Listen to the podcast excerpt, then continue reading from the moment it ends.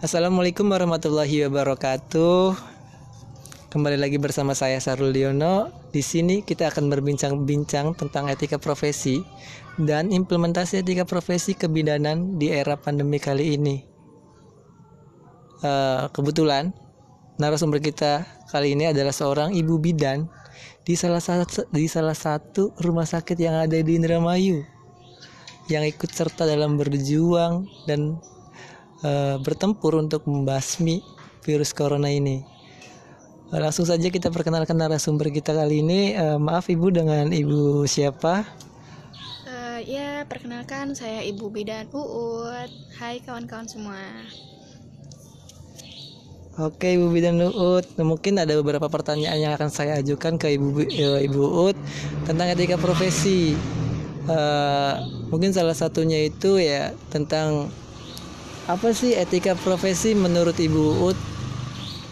Etika profesi ya, etika profesi ini sebenarnya uh, sebuah acuan atau pedoman kita dalam bekerja agar tidak salah langkah, uh, agar terhindar dari masalah-masalah juga.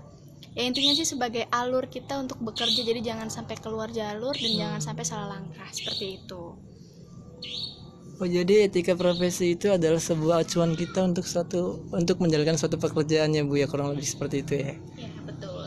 Uh, apa sih? Uh, hmm oke okay, terima kasih. Next, uh, oke okay.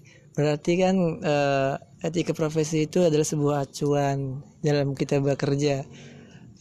Kira-kira uh, di di kebidanannya itu sudah diterapkan atau belum ya Bu ya ketika profesinya kalau emang sudah diterapkan mungkin uh, kita perlu tahu gitu contohnya seperti apa gitu. Oke sudah diterapkan atau belum? Tentunya sudah sudah sangat diterapkan. Karena ya namanya kita bertemu dengan klien atau pasien ada beberapa hal yang kita harus jaga. Etikanya salah satu contohnya adalah menjaga privasi pasien. Itu adalah salah satu etika dalam pelayanan kebidanan kita nggak boleh lah ya namanya lagi meriksa pasien atau apa di sebelahnya ada pasien lain ada hmm. yang nanya kita bercerita itu bu pasien apa sih bu? Ini, ini kita kadang orang Indonesia refleks ya cerita gini itu segala macam. Padahal itu salah satu yang harus dijaga tidak boleh. Dan itu memang sudah diterapkan di pelayanan kebidanan. Banyak hal-hal lain etika-etika hmm. lain yang uh, sudah diterapkan di pelayanan kebidanan ini. Sebenarnya etika juga itu kan salah satu apa ya moral-moral yang harus dijaga yang menurut masyarakat itu baik apakah buruk? Dari tata bicara dari oh, iya. tindakan juga. Ya salah satunya kayak misalkan apa ya? Ya itu salah satunya sih menjaga privasi klien itu yang di saat ini mungkin banyak yang lalai padahal itu adalah salah satu hal yang sangat penting. Sama. ya itu salah satunya itu. Oh, berarti jika profesi itu sangatlah penting ya Bu penting sangat penting hmm. sekali. Kalau semisal nih ya bu ketika kita itu dalam bekerja tidak menerapkan etika dalam pekerjaan itu seperti apa kalau pandangan ibu?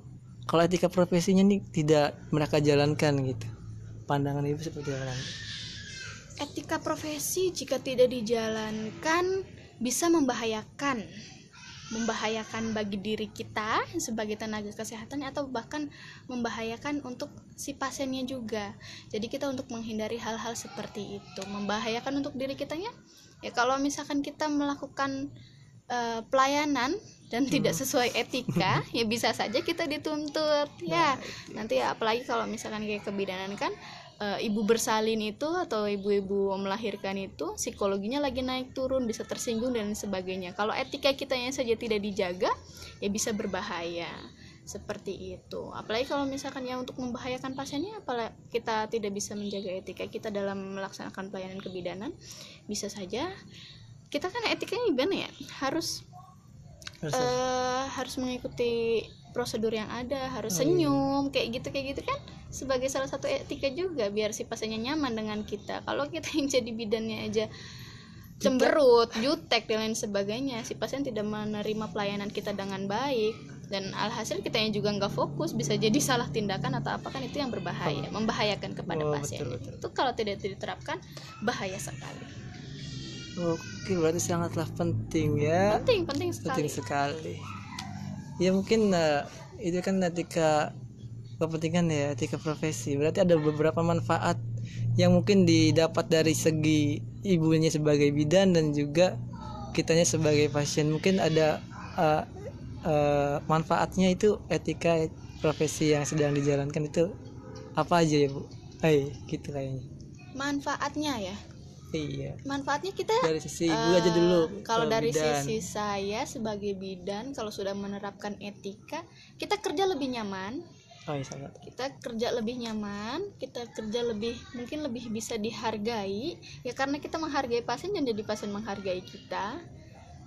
Ya manfaatnya ya terhindar dari bahaya juga, terhindar dari tuntutan juga ya seperti itu sih. Karena yang namanya etika kan baik buruknya kita dilihat oleh masyarakat ya iya, salah satunya itu. Kalau udah dilihat buruk sama masyarakat gimana kita bisa menjaga kepercayaan masyarakat terhadap kita gitu loh. Hmm. itu sih salah satu manfaat terbesarnya. Oke banyak sekali pengetahuan yang kita dapat kawan-kawan. Oke. Oke kita ini aja ya kita skip dulu dari etika etika profesinya. Sekarang kan lagi di era pandemi nih bu ya. Uh, ada ada beberapa berita di media uh, tentang adanya pembiayaan yang harus pasien keluarkan.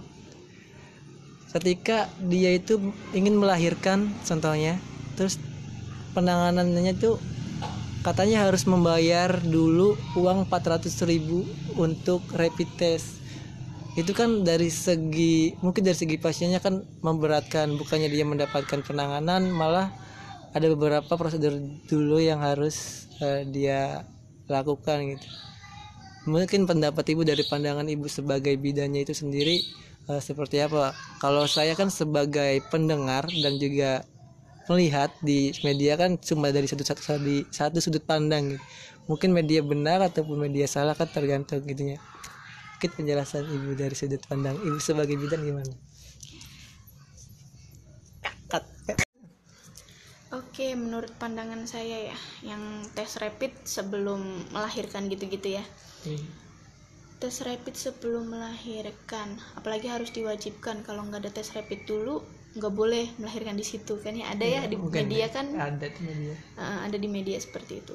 Kalau menurut saya sih ya sebenarnya kalau dari hati nurani saya kasihan ya.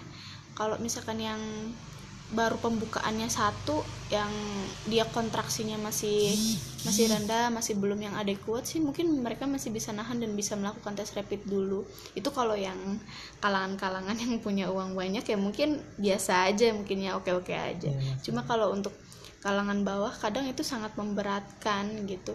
Mereka aja udah bersyukur udah punya BPJS apalagi saya pernah jadi uh, saya sa saat ini termasuk salah satu tim COVID di rumah sakit saya. Jadi kalau misalkan ada pasien yang uh, uh, OTG ODP gitu-gitu yang sekarang istilahnya sudah berubah itu saya yang menangani. Saya pernah menangani pasien uh, OTG itu melahirkan secara sesar dan salah satunya sesarnya emergensi. Jadi kan kita nggak bisa dinanti-nanti ya harus segera dilakukan hmm. tindakan gitu. Saya menjadi tim covid menangani si pasien itu sendirian dia recovery room atau di ruang uh, observasi. Ya si pasien juga kasihan nggak ada yang nungguin nggak ada yang ini. Biasanya sama keluarga. Di era pandemi ini sebenarnya sih agak kejam ya ke pasien. Saya juga kadang suka sedih sendiri ngelihatnya. Harus yeah, iya. ngebantu ngebantu. Salah satunya dia uh, untuk mengeluh sakit ke kita kan jadi ngerasa nggak enak ya nggak dikira rewel atau apa pasiennya. Padahal ya saya sih ya udahlah udah biasa gitu. Cuma gimana ya mereka aduh saya sedih sendiri jadi ya. Pengen minum aja susah kan mereka harus kita juga yang ngebantuin kalau yang kayak gitu kayak gitu Bayangin aja kalau pembukaan lengkap dia datang ke salah satu rumah sakit dan dia dituntut untuk rapid test dulu sedangkan dia yang dia membawa uangnya pas-pasan hanya untuk bersalinnya aja ya gimana? Kasihan.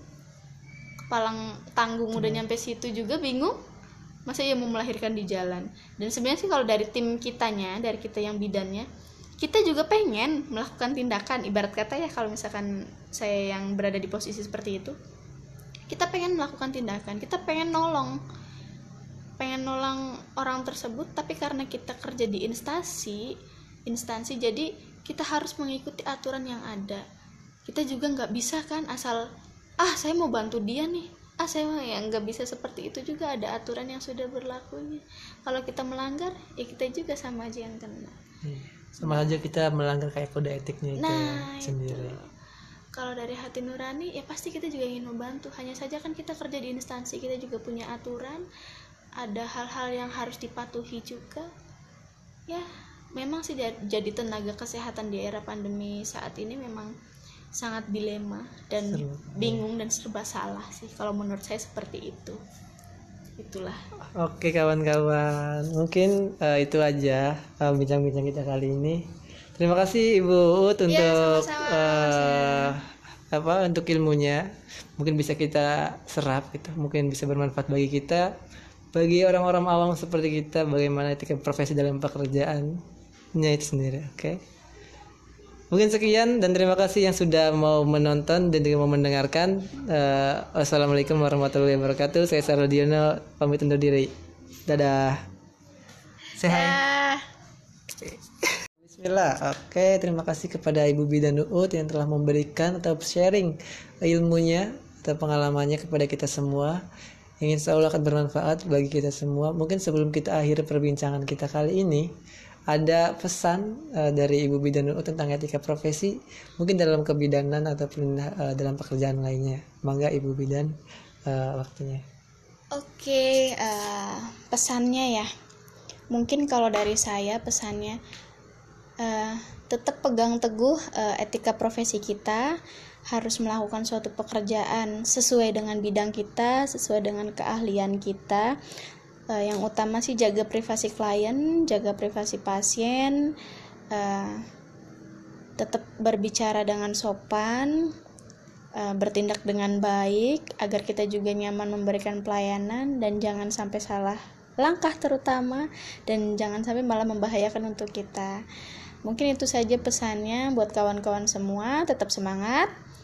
Uh, dan saya pesan satu lagi ya dalam pandemi ini jangan lupa selalu cuci tangan, pakai masker di mana pun kalian berada.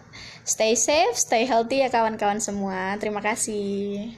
Oke, terima kasih Ibu Bidan. Mungkin sekian perbincangan kita kali ini bersama Ibu Bidan Uut. Eh, sampai ketemu ke episode-episode selanjutnya. Wassalamualaikum warahmatullahi wabarakatuh. Dadah. Oke.